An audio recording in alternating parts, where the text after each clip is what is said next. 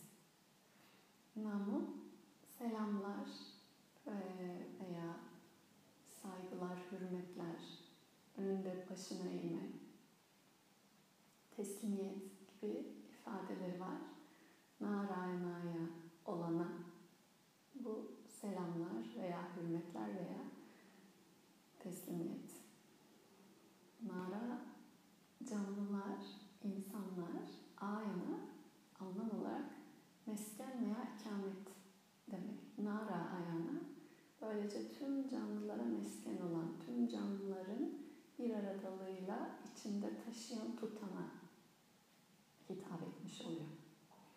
Ee, eş zamanlı her sesin kendi içinde de farklı bir titreşimi var diye bahsetmiştik bu Loka Samas'ta özelinde de ilk konuşurken.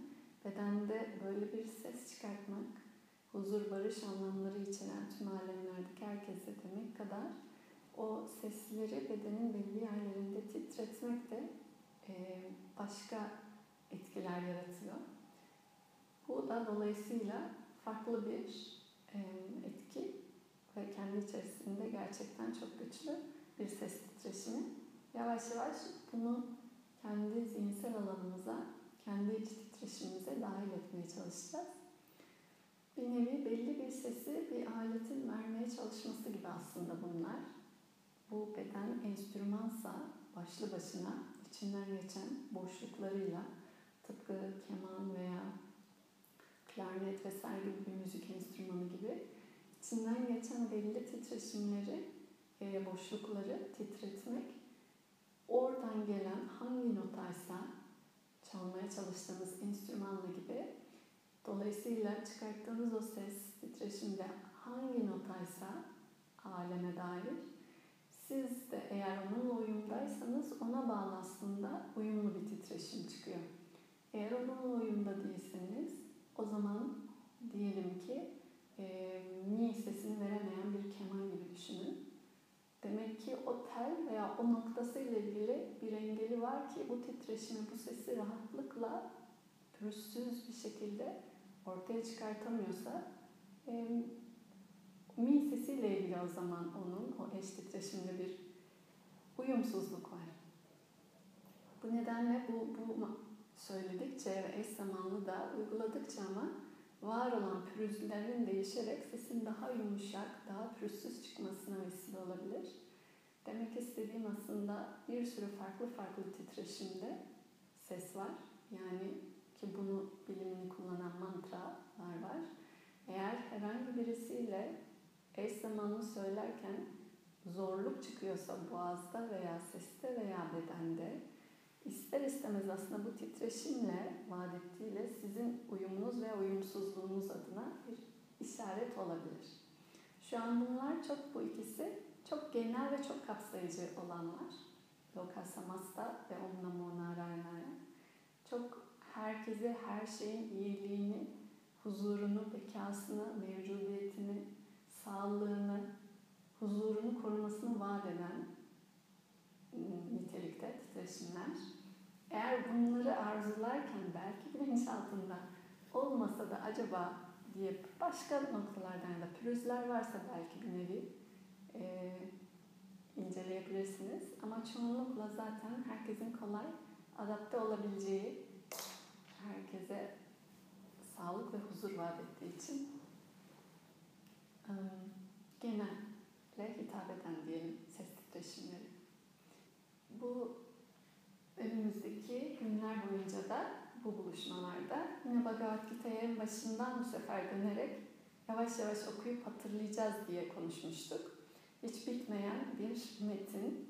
E, hatta o Sami Shivananda'nın manevi talimatında da ya da Sami Dayananda'nın okuduğumuz 20 erdemden 19.sunda da ilk 21 günlük buluşmalarda geçmişte her gün yapılan bir çalışma olsun. Sami Dayananda demişti ki dilerim her gün kitap okuyabilirsiniz. Belli bir gerçekliği, belli bir e, hakikati hatırda tutma çalışması veya çabası bu. E, geçen gün birisi özelden böyle bir şey sorduğunda yazmıştı. Sanki lades oynarken hani her sorduğunda birisi aklımda dersin ya, onun gibi bir şey aslında bu yaptığınız demişti.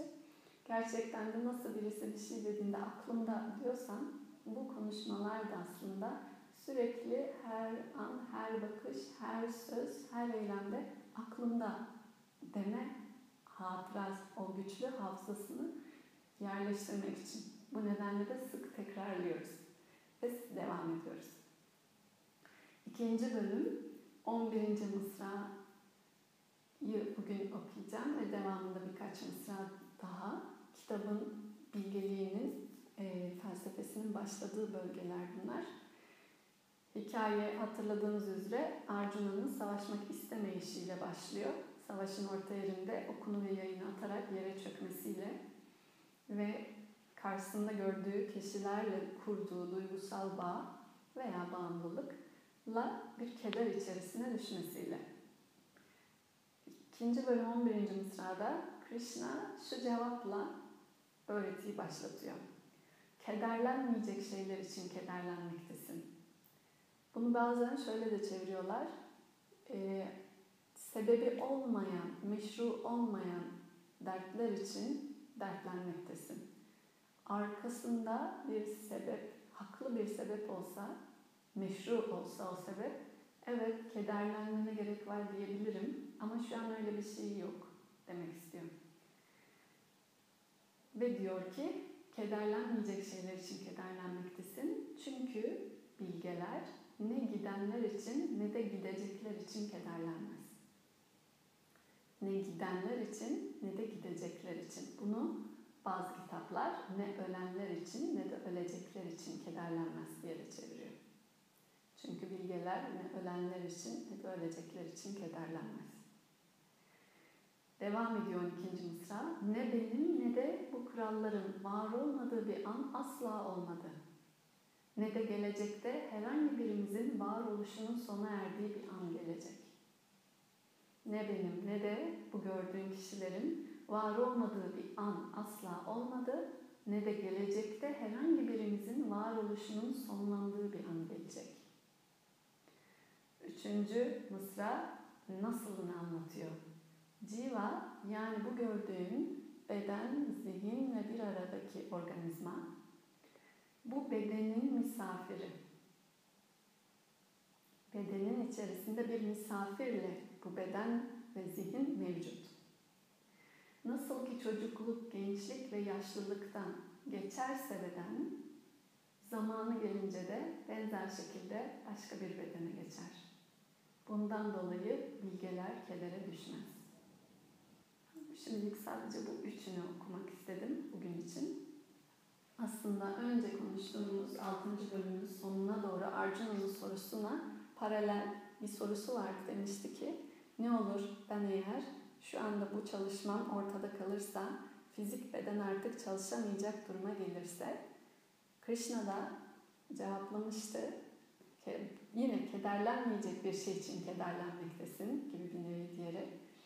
E, çünkü bu görünen senin için biten gibi görünen şey aslında sadece bir form değişikliğinde farklı bir biçimden farklı bir biçime geçişte ve biz de bunu şöyle anlatmıştık. Var olan yok olmaz, yok olan var olmaz üzerinden aslında zihin kendi içerisinde yaşadığı daha saf ve daha soyut titreşimi ki bu düşünce tohumlarıydı.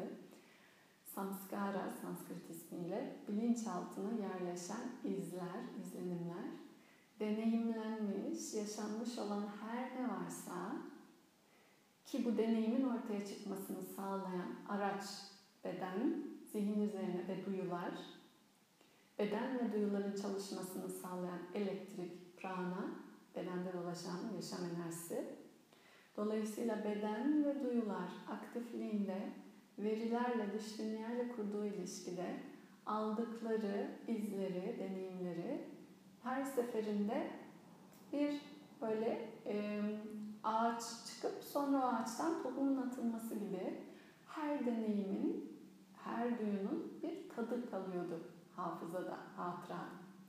Ve bu bütün deneyimler için düşünürsek tohum tohum tohum tohum olarak ve hangi düşünce, hangi duyu, hangi deneyimle aidiyet ilişkisi varsa ben üzerinden dolayısıyla o tohumu yine alanda özne olarak sen bu da o hafızada veya bilinçaltında ya da o zihinsel alan içerisinde o ben ilişkisiyle bir tohum olarak yerleşmekte. Ve bilgisayar örneğinden iCloud'a benzetmiştik bunu. E, veri deposunda saklı olanlar sen bilgisayarını açıp programı, dosyayı açıp oynatmasan bile nasıl ki hep orada mevcutsalar ve kendi içlerinde ne zaman ki fiziksel bir kasa bulduklarında ve tuş dokunulduğunda, elektrik geldiğinde tekrar kendini gösterebilirseler benzerlikte tüm zihinsel tohumlar ve düşüncelerde bir kasa ve elektrik geldiği zaman tekrar kendini gösterebilir. Düşünceler dolayısıyla zihinne bırakılmış tüm deneyimler ben özdeşliği olduğu sürece asla hiçbir zaman yok olmaz. Eğer yok olmuyorsa o zaman bu durumda aslında yok olan şey bu örnekte de söylediği gibi ve anlatmaya çalıştığı gibi Krishna'nın fizik beden geldiği yapı taşlarına bölünerek dönüşüme girebilir. Prana elektrik bütün yapıda mevcut olan büyük ölçekte mevcut olan elektriğin içerisine dahil olarak ayrılabilir. Yani bir parçalarla bir makine yaptıysanız parçalarını dağıttığınızda her ne nereden geldiyse oraya gider. Karbon karbon atomlarına tekrar, oksijen oksijen atomlarına tekrar vesaire gibi. Dolayısıyla beden yapı taşlarıyla ki bu beş element veya kimyaya göre elementler diğer elementleri de sevebilirsiniz. Parçalarına göre onu yaratan yapı taşı neyse. Elektrik prana dediğimiz prana olarak dönüşüme belki bir çiçek, belki bir ağaç. Düşünce ve zihindeki o tohumlar formlarsa bir kapsül olarak belleğe, kolektif belleğe iCloud gibi tekrar dahil olarak beklemede. Ben aidiyeti ve ilişkisi kurduğu için o bene özel ve o düşünceye özel deneyim alanına tekrar vardan yok, yoktan var olmaz enerjinin temel birinci ilkesiyle hatırlarsak o zaman o deneyime bağlı olarak uygunlukta kendini deneyimletmesi için duran tohumlar tezahür edip e, o döngüde hikaye dönüşecekse dönüşmesi için kendine göre uygun bir fiziksel kasaya ve bu kasayı çalıştıran bir elektrikle tekrar ortaya çıkabilir. Bu anlatmaya çalıştığı en başından Krishna'nın tekrar Arjuna'ya kederlenmeyecek şeyler için kederlenmektesin. Ne yok oluyor? Ona bak parçalar olarak iyice ayrıştır. Gördüğün bütünün parçalarında ne nedir? Ve devamlılıkları veya eğer ki yok oluşsa ismi ne biçimde bir yok oluş mevcut arkalarında bunu sor sorgula diye başlayarak kendisi gerçi açıklıyor burada ama nasıl ki her şey bir sonraki formuna sadece dönüşüyorsa mevcut olan formunu yitirmesi onun mevcut olan formunu yitirerek tırnak içinde yok olması olabilir. Ancak formun başka bir şeye dönüşmesi aslında böyle baktığında bir yok oluş değildir. Dün yaşamış olan siz artık yoksunuz. dünkü bedeninizin bayağı büyük bir kısmı olmasa bile bir kısmını kaybettiniz. Farkındasınız umarım. Hücreleriniz ölüyor her dakika. Her dakika ölen ve yerine yenilenen hücrelerle beden devam ediyor. 7 yıl içerisinde bütün hücreleriniz 7 yıl önceye kıyasla yok oluyor. Her 7 yılda bir başka bir bedene sahipsiniz aslında böyle bakarsanız. Arada aynı özdeşliği ve eşliği kuransa başka bir şey var. Fizik ve madde formunda her şey başka bir yapı olsa bile. O zaman o ne? Veya dün uyudunuz belli bir süre bellek kesintiye uğradı ama bugün uyandınız ve uyandığınız anda bıraktığınız tüm düne dair deneyim tohumları hafıza tekrar ekranı açtığınızda görüntüye geldi. Bir nevi aslında her gece de herkes bir fizik beden durması, yok oluşu, isterseniz adına kısmi ölüm deyin. Ee, ama zihnin potansiyel formuna çekilmesi diyelim biz buna. Krishna'nın konuşması gibi. Her gece herkes zihnin potansiyel o samskara bilinçaltı tohum formuna geri çekilmesinde fizik bedenin algısının durduğu bir sürece giriyor. Her gece herkes. Derin uyku bunun en net örneği. Diğer rüya değil tam olarak. Rüya da zihin yine var. Eylemde. Ama derin uyku böyle bir şey. Ve sonra tekrar görüntü geldiğinde elektrik farklı bir biçimde çalıştığında aynı veriler tekrar çağrılıyor ve devam ediyor kaldığı yerde. Bir gece ve bir gündüz arasındaki o fark neyse aslında bir bedenle diğer beden arasındaki fark da tamamen aynısı. Krishna'nın anlatmasıyla. Nasıl ki hiçbir şekilde aynı beden değil, hafızayla kurduğun ilişkiye hatırlama gücünü bağlı aslında zaten dünkü bedenine. Bugün yandığında da aynı devam ediyor diyorsun. Eğer ki böyle hastalıklar var biliyorsunuz. Zihindeki belli veriler çekilirse hatırlamadığında aynı olmadığını sanabiliyor. Sıfırdan başlamış gibi. Ama bu bir yandan da başka tür bir aynılık. O başka. Yine de baktığında.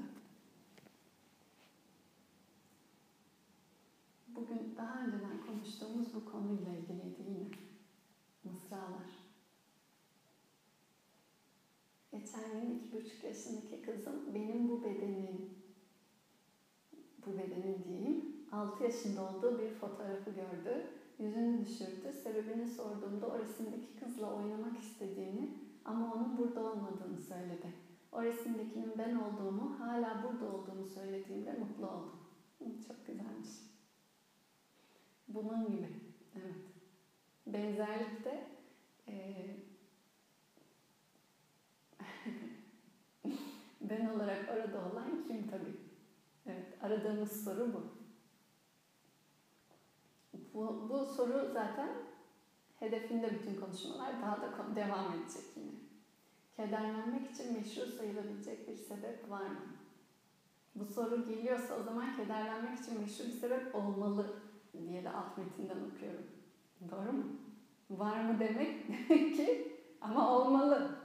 Değil mi? Peki benim kederlerimin o zaman hepsi mi meşru değil ya da demek? Hepsi mi yersizmiş? Nihai boyuttan bakarsan evet, hepsi yersiz. Hayır ama bu şu an kederlenmen, yani Krishna gibi kederlenmeni gerektirmeyecek sebep dedikten sonra neden meşru olmadığını açıklaması kişinin sonra tabii ki keşfi. Ee, yapı taşlarını beden devamında bedende mevcut olan dış dünya ile kurduğu ilişkileri belirleyen, verilerin alınmasını sağlayan, deneyimin oluşmasını sağlayan duyular, duyuları çalıştıran beden ve duyularının üzerinde böylece fonksiyon almasını sağlayan prana, yaşam enerjisi elektrik, üç etti. Üzerine tüm bu verilerin girişiyle nesnellikte girse bile içeride işlenmesiyle asıl deneyim eşittir bu diye çıkartan bilgisayar için belki program diyebiliriz ve hem de aynı zamanda bellek diyebileceğimiz zihin. Ve bu dördüncü yapının içerisinde aslında dikende değil, bu yapının içerisinde acı. Buraya ayırmak önemli. Acı ve bütün duygular. Ve bütün duyusal izler. Dikende acı yok. Dikende acı var diye gösterdiğinizde eline eldiven giymiş birisi hayır dikende acı yok der size karşılığında. O zaman dikende acı var mı yok mu? Birisine göre var, birisine göre yok. Ama bir total cevabı olması lazım. Tüm deneyim aslında sonuç hikaye olarak bunu görüntü için konuşmuştuk daha önce. Dışarıda nesne var mı yoksa nesne gözünün arka planında ters düşmüş yerde mi diye. Tüm deneyim nihayetinde bu anlattığım cevabı verdi aslında. Nesnede değil. Prana'nın duyu, düşünce, duygu, belleği, hafızası ve işlemcisi olan zihinde. Bu ikili. Prana ve zihin arası ilişki. Bu iki bunun için desnel dışsal aslında e, tetikleyici veya yansıma. Bunlar olmadan da bu ikisi kocaman bir hikaye yazabilir. Nerede? Rüyada. Acı var rüyada. Diken var mı? E, hem var hem yok. Cevap. Bazen yok. Bazen var gibi var ama aslında yok. Nesnelliğinde bakarsan. Ama acı var. Benzer şekilde dışarıda bazen ses var ama kulakta işitme yok.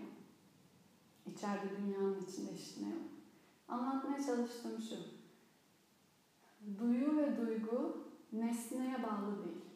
Duyu ve duygu, adı keder de olsa, dolayısıyla bu bir duygu, zihinde. Keşfederse kişi, bu hep daha önce konuştuklarımızla bağlantılı, yeni bir şey anlatmıyorum, tekrar hatırlatıyorum.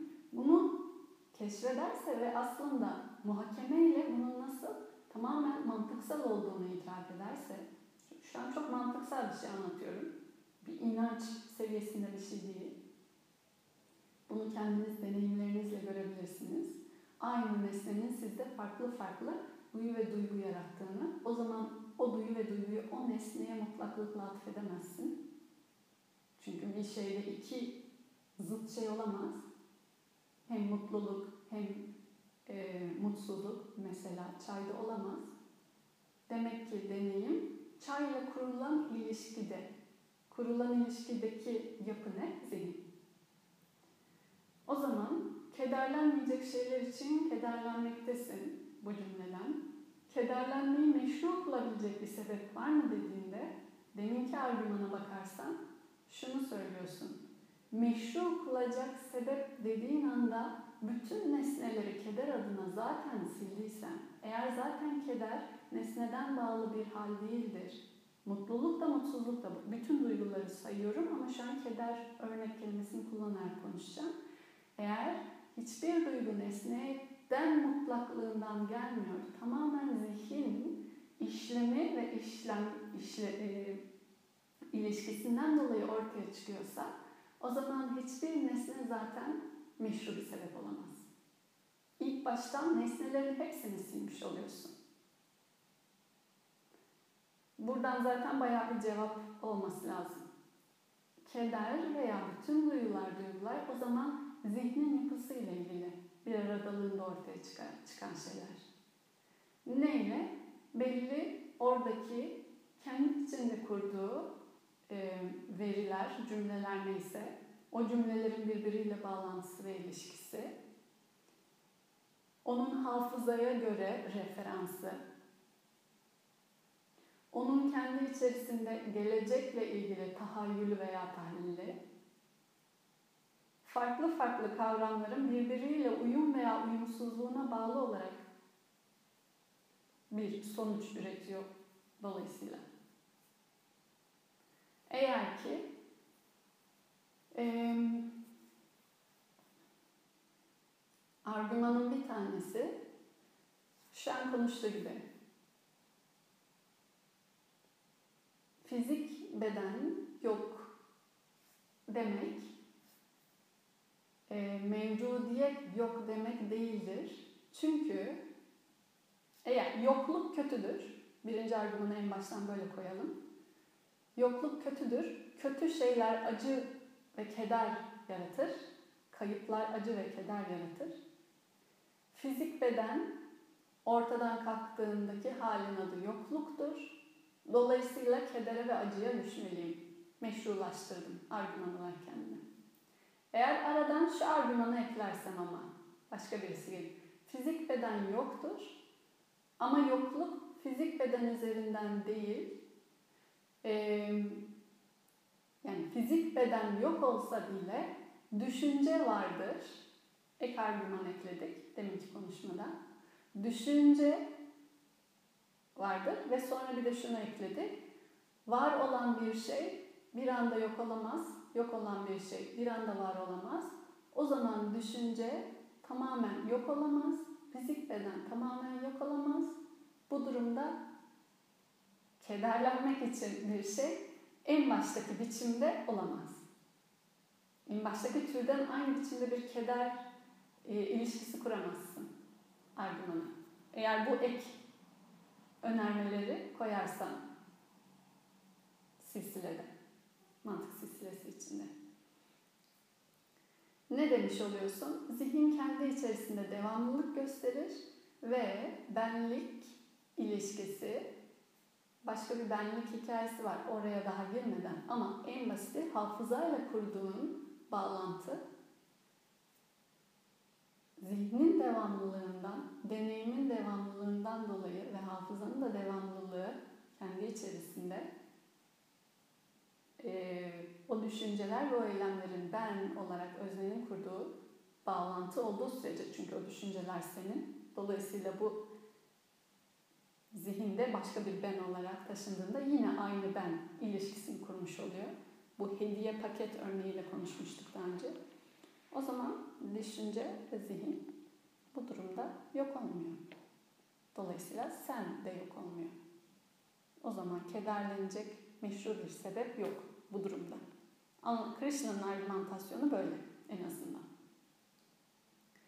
Ama ben yine de kederleniyorum diyorsan o zaman bu argümantasyon içerisinde bir yerde bir e, önerme olmalı. Bu önermelerin herhangi birisi e, yani evet kabul idrak olarak zeka tahayyül ettiğinde bunları böyle analiz ettiğinde bir, birilerine ikna olmamış olmalı ya da anlamamış olmalı. Bir şekilde bir yerlerde. Bu, bu örnek için değil sadece. Başka sebepten başka bir durumda da olabilir. Başka sebepten başka bir durumda da. Ki eminim hayatınızda bir çoğunlukla bunu yaşadınız. Kederlendiğiniz şeyler bir zaman sonra onunla ilgili başka bir şey keşfettiğinde keder sebebi olmaktan çıkar. Aslında meşru yani sebebinin meşru olmadığını keşfettiğin için dolayısıyla seni aslında kederden çıkarmış oluyor durum. Çünkü meşruluk atfeden de yine zihin.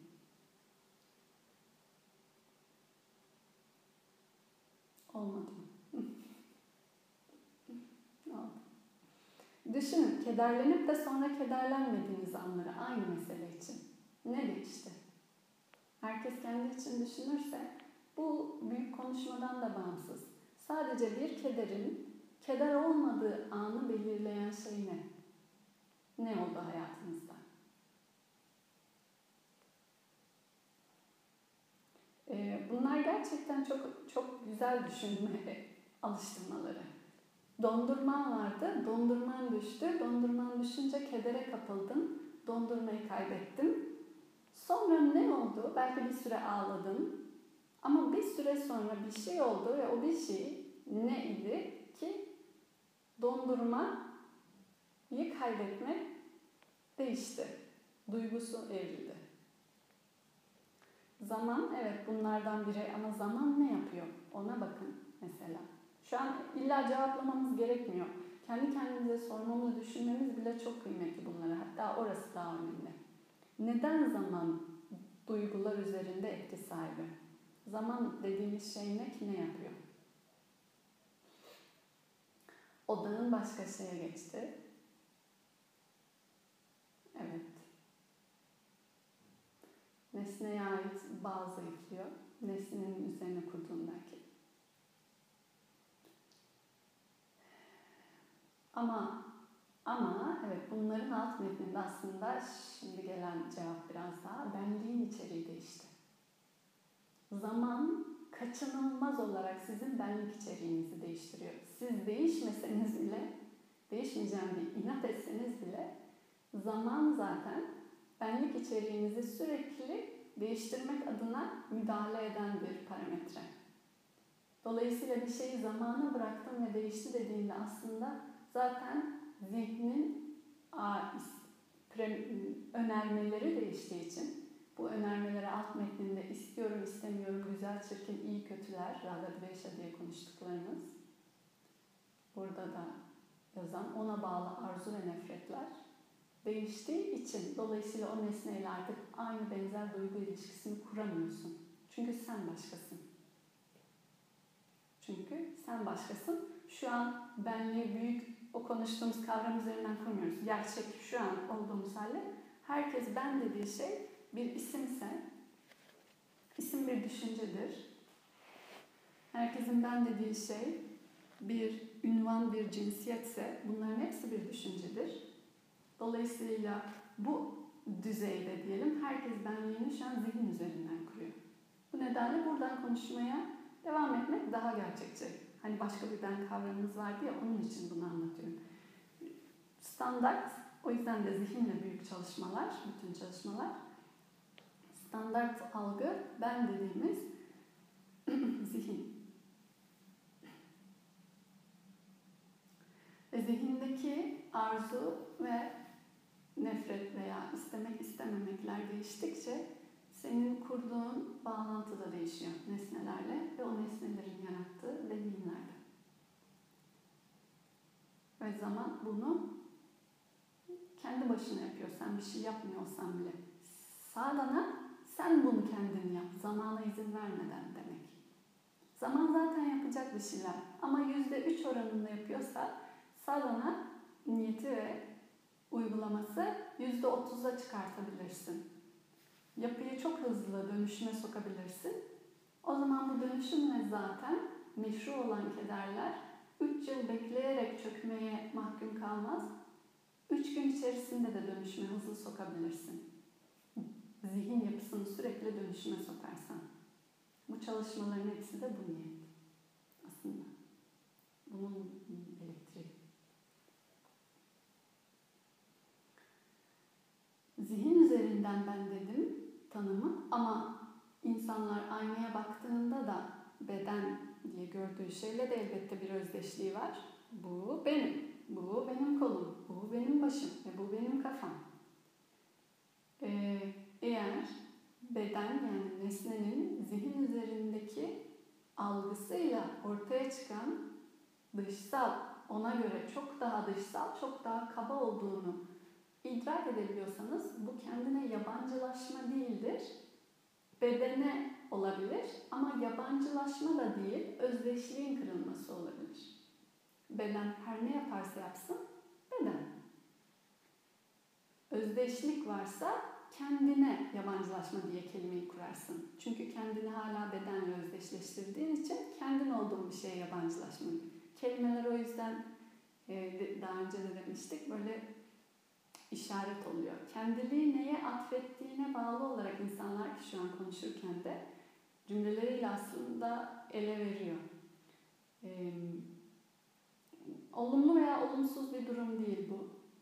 Yani bir şeye nesne olarak görebilme durumu. Ee, eğer onunla tutulmalı bir bağ kuruyorsan olumsuz olarak oku, okursun. Yoksa yani telefon mesela bir şey olunca telefona Bir şey hissetmiyorum çünkü o telefon ve ben telefon değilim gibi. Özdeşlik böyle bir şey.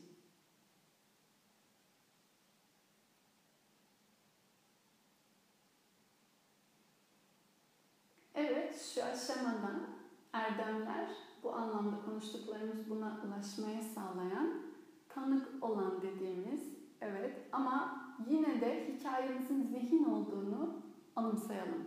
Zihin kelimesini sık sık kullanacağım. Ee, zaten kullandık.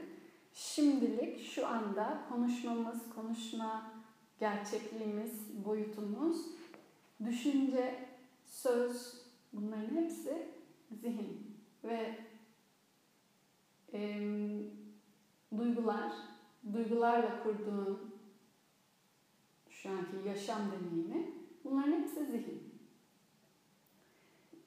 O nedenle yoga yolu şu an biz ne kadar Krishna'yla daha zihin ötesi boyut adına konuşsak bile zihin ötesi boyutu konuşmak için önce zihni çok iyi anlamamız gerek.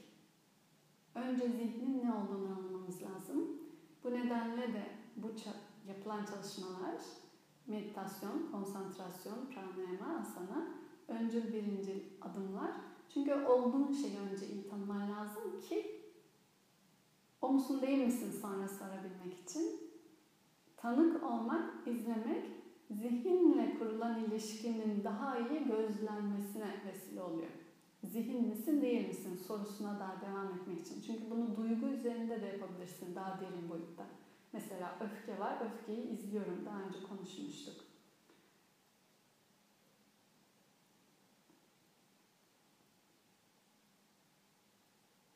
Bedene tutunmamanın gelişeceğini açıklıyor. Ne demek anlamadım.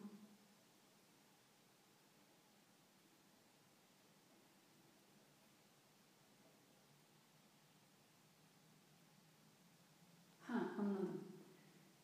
Sen, yani zihninde kurduğun özdeşlik ve tanımlar değiştikçe bedene tutunmak da değişir. Kaçınılmaz olarak diyor Yoga Sutralar 2.40'da demiş. Evet. Ee, özdeşlik kelimesini anlamamız önemli. Ee, sizin yeni aldığınız bir ayakkabı olsun. Ayakkabı çok da pahalı olsun.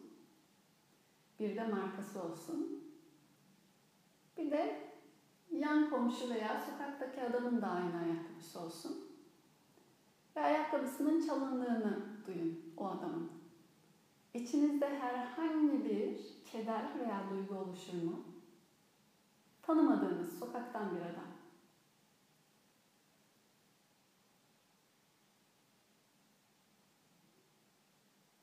Oluşmaz çoğunlukla. Ayakkabısı kaybolmuş. Geçmiş olsun dersiniz, devam edersiniz hayatınıza. Sizin aynı ayakkabınız iki gün önce kaybolsa, çalsalar kapının önünden. Geçmiş olsun deyip devam edebilir misiniz aynı şekilde hayatınıza? Ne fark var aralarında? O da ayakkabı, o da ayakkabı. Aynı marka, aynı marka. Aynı para, aynı para. Ne fark var ki sokaktaki o adam kaybettiğinde geçmiş olsun deyip yaptığın şeyi yapmaya devam ediyorsun. Ne fark var ki senin kapının önünde dün aldığın üç gün boyunca ağlamana sebep oluyor. Ne fark var?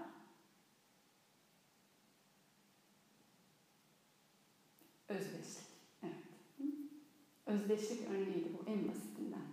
Benim dediğin için, özdeşlik kurduğun için ayakkabı değil, benim ayakkabı olması seni ağlatan şey. Yoksa ayakkabıda mutlak böyle bir nitelik olsaydı o adam kaybettiğinde de aynı şeyi yapman gerekirdi. Ve ne farkı oluyor ki bir zaman sonra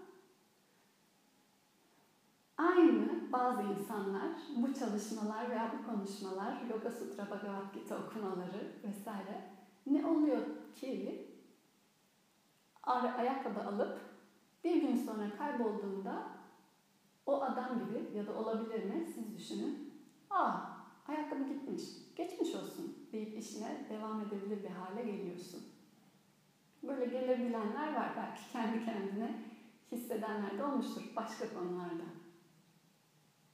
Ne değişti? 5 yıl önce ve bugüne kıyasla kurduğum ben özdeşlik değişti. Dolayısıyla e, Sezgin'e ve Mesut'un yazdığı konuşmalara istinaden bunları söylüyorum.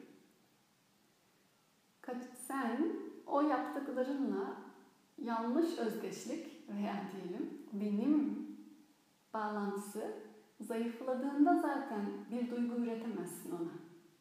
İstesen de üretemezsin. Ve üretilmiş gibi gördüğünde de olmayan bir bağ üzerinden üretildiyse buna meşru olmayan keder dersin. Ayakkabı zaten ayakkabıydı. Ayakkabıyla benlik eşlik kuran başka bir yapıydı. Üstüne bir şey yapıştırma. O ortadan kalkınca dolayısıyla aa ayakkabı çalınmış. Geçmiş olsun. Yani bunu diyebilenler oluyor. Görmüşsünüzdür bazı durumlarda ve kendinizde de bu anlamda değişiklikler. Ve bu ayakkabı seviyesinden daha daha daha daha daha daha daha daha soyut, daha daha incelikli yukarıya doğru böyle araştırma veya aşamaya geçebilir.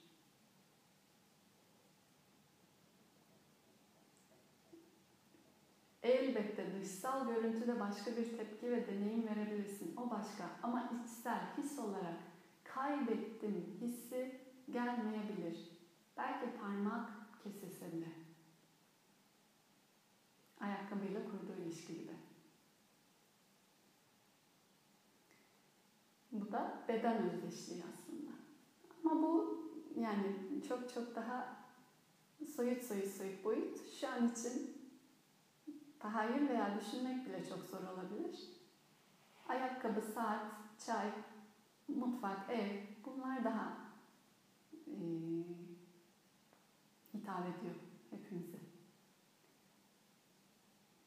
Evet bu durumda sizi kendiyle özdeşleştiren insanlar çok kırılıyor ve öfkeleniyor. Çok güzel. Bunları keşfettirebiliyorsa bu konuşmalar kıymetli.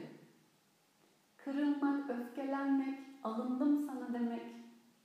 Dolayısıyla kimseyi, demiştik ya kimseyi suçlamayın vesaire. Bunu siz de yapabilirsiniz, sizi de bir, birisi, sizi de birisi yapabilir. Özdeşlik, kelime, anahtar kelime her zaman özdeşlik. He, o kişi aynı eylemi yaptığında bu tepki gelmiyorsa ama bu kişi yaptığında bu tepki geliyorsa demek ki o kimlikler arasında başka bir şey var. Farklı bir özdeşlik var bu durumda. Bunu en azından bu yolda, yolculukta, bu konuşmalarla keşfeden bir kişi. Dolayısıyla kimseye, kimseden dolayı bir şey hale gelmediğini keşfettiği için nesneden değil kendinde bu sahip olduğu özdeşliklerden bunun geldiğini keşfettiği için demiştik ki kimseyi suçlamaz. Kimseye parmak göstermez. Olgunlaşmanın birinci özelliklerinden biridir. Senin yüzünden cümlesini edemez. Çünkü bu onun onunla kurduğu özdeşlikten dolayı yanılsamalı özdeşlikten dolayı ortaya çıktığını bilir bu konuşmalarla hissetse bile en azından kendini terbiye etmeye çalışır. Ağzından o cümleyi çıkarmayıp kendini sorgular.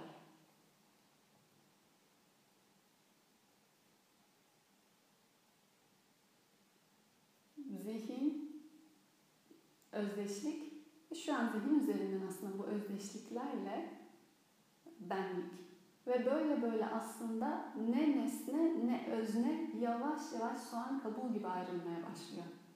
Ben ayakkabıyla neden özdeşlik kurdum ki? Ayakkabı ben değilim. Ayakkabısız da ben benim. O zaman ayakkabının yokluğunda niçin keder veya yokluk hissi? Aa, aydınlanma bu sorular sonrasında. O zaman bir tane soğan kabuğu gidiyor. Sonra belki daha inceden başka bir kabuğa geliyor. Duygu ve kimlikler, kişiler arasında mesela. Evet, o yüzden doktora seviyesine başlamak için ilkokulu bitirmemiz lazım. Bunu demiştik.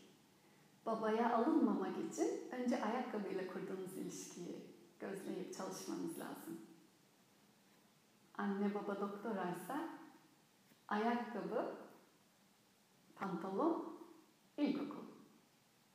O yüzden duyularla ve nesnelerle birincil çalışmalar başlıyor bu tarz ö, ö, pratiklerde, yaşam biçimlerinde. Kıyafetlerinle önce kurduğun ilişki, ayakkabılarla kurduğun ilişki, saatle kurduğun ilişki, küpeyle kurduğun ilişki, saçla kurduğun ilişki, kesmek, boyamak, toplamak, toplamamak, makyajla kurduğun ilişki, gözünü, kirpiğine sürmek, sürmemek.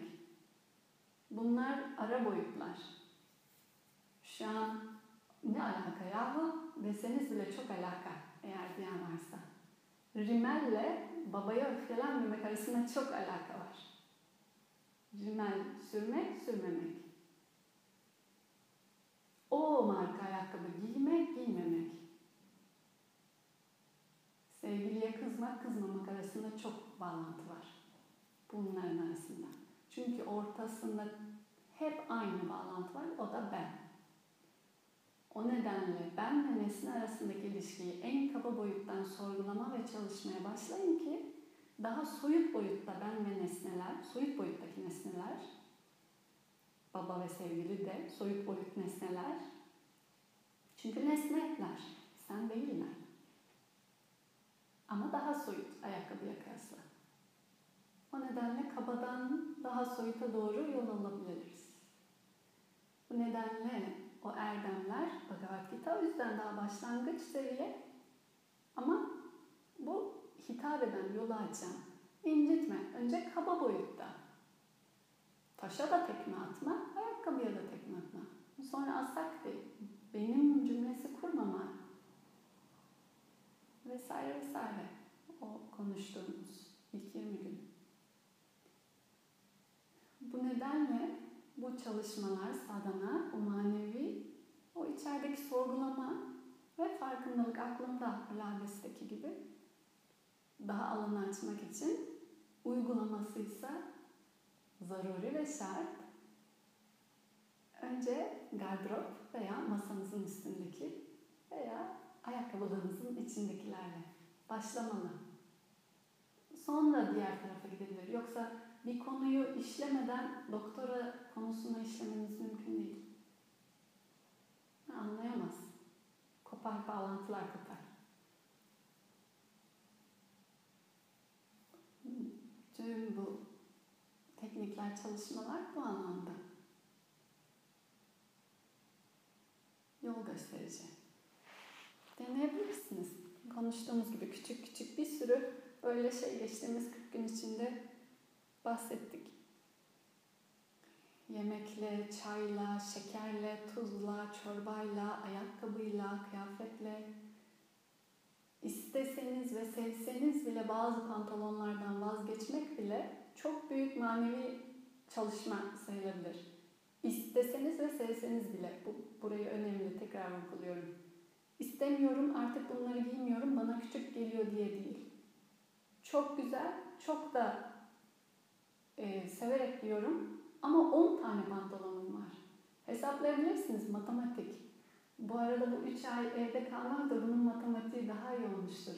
Hepsi öyle bekledi. Çünkü kimseye gösterilemedi pantolonlar, ayakkabılar. Hı. Evde iki tane kıyafetle yaşayabiliyorsunuz. Onu görmüşsünüzdür. Hiç ayakkabı giymeden, sadece dışarıya bir ayakkabı giyerek ömür geçebiliyor. Ama ayakkabı odası olan insanlar var. Dolabı değil, odası. Aranızda varsa kusura bakmayın ama söylemek zorundayım.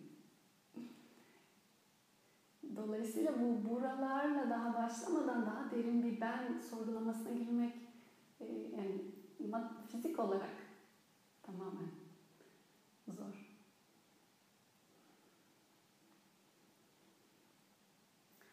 adına minimalizm ya da başka bir şey ne derseniz bu hikaye özünde şuna gidiyor. Senle nasıl bir ilişki kuruyorsun? Neler üzerinden özdeşlik alıyorsun? Ne yoksa kendini yok sanıyorsun.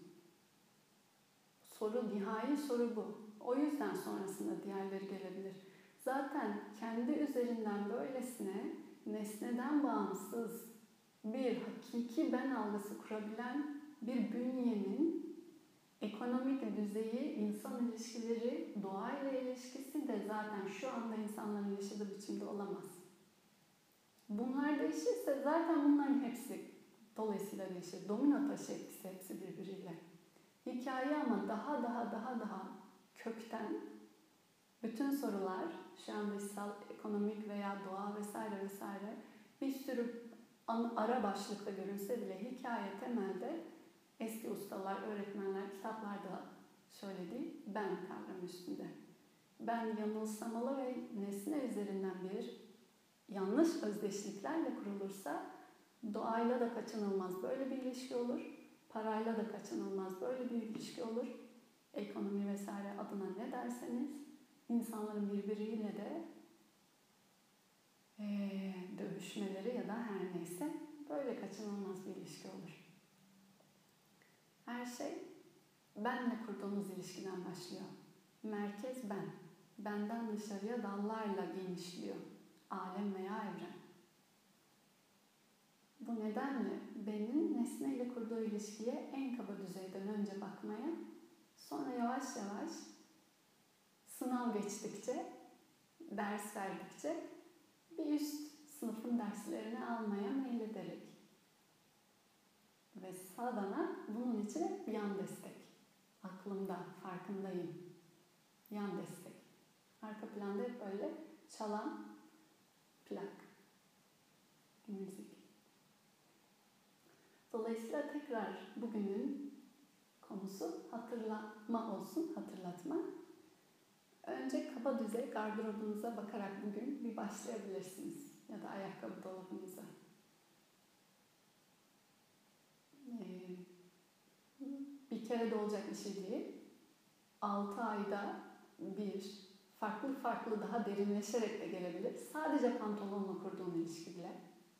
Yani ilk 6 ayın sonucunda iki taneyi verebilir. Sonra ikinci 6 ayın sonucunda önceye kıyasla veremediğin başka ikiyi verebilirsin bile.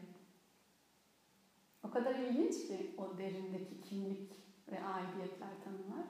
Ama bu bir yol ve her yolun bir adımı var. Dolayısıyla adımı atmak bize kalıyor. Sonra da kederlenmeyi gerektirmeyecek şeyler için kederlenmişim dersiniz. Şu pantolon yok diye ne de ağlamıştım. Halbuki hiç pantolona ihtiyacım yokmuş meğerse. Bir keşfe gelebilir bir zaman sonra. Son okuyarak başka soru yoksa tamamlıyoruz. Sri Bhagavan şöyle dedi Krishna. Kederlenmeyecek şeyler için kederlenmektesin. Bilgi ancak bilgeler ne gidenler için ne de gidecekler için kederlenmez. Ne benim ne de bu kuralların var olmadığı bir an asla olmadı, ne de gelecekte herhangi birimizin varoluşunun sona erdiği bir an gelecek. Bu bedenin misafiri nasıl ki çocukluk, gençlik ve yaşlılıktan geçerse, zamanı gelince de benzer şekilde başka bir bedene geçer. Bundan dolayı bilgeler kedere düşmez. Asatoma, satgamaya, yanılsamadan beni gerçeğe, tamasoma, jyotirgamaya, karanlıktan beni ışığa, mrityorma, amritangamaya, ölümlülükten beni ölümsüzlüğe götür. Purnamada purnamidam, bu tamdır, şu tamdır. Purna, purnamidacate, bu tamdan şu tam gelir. Purnasya, purnamadaya, bu tamı şu tamdan çıkarsan, purnameva, raşişlete, geriye tamlık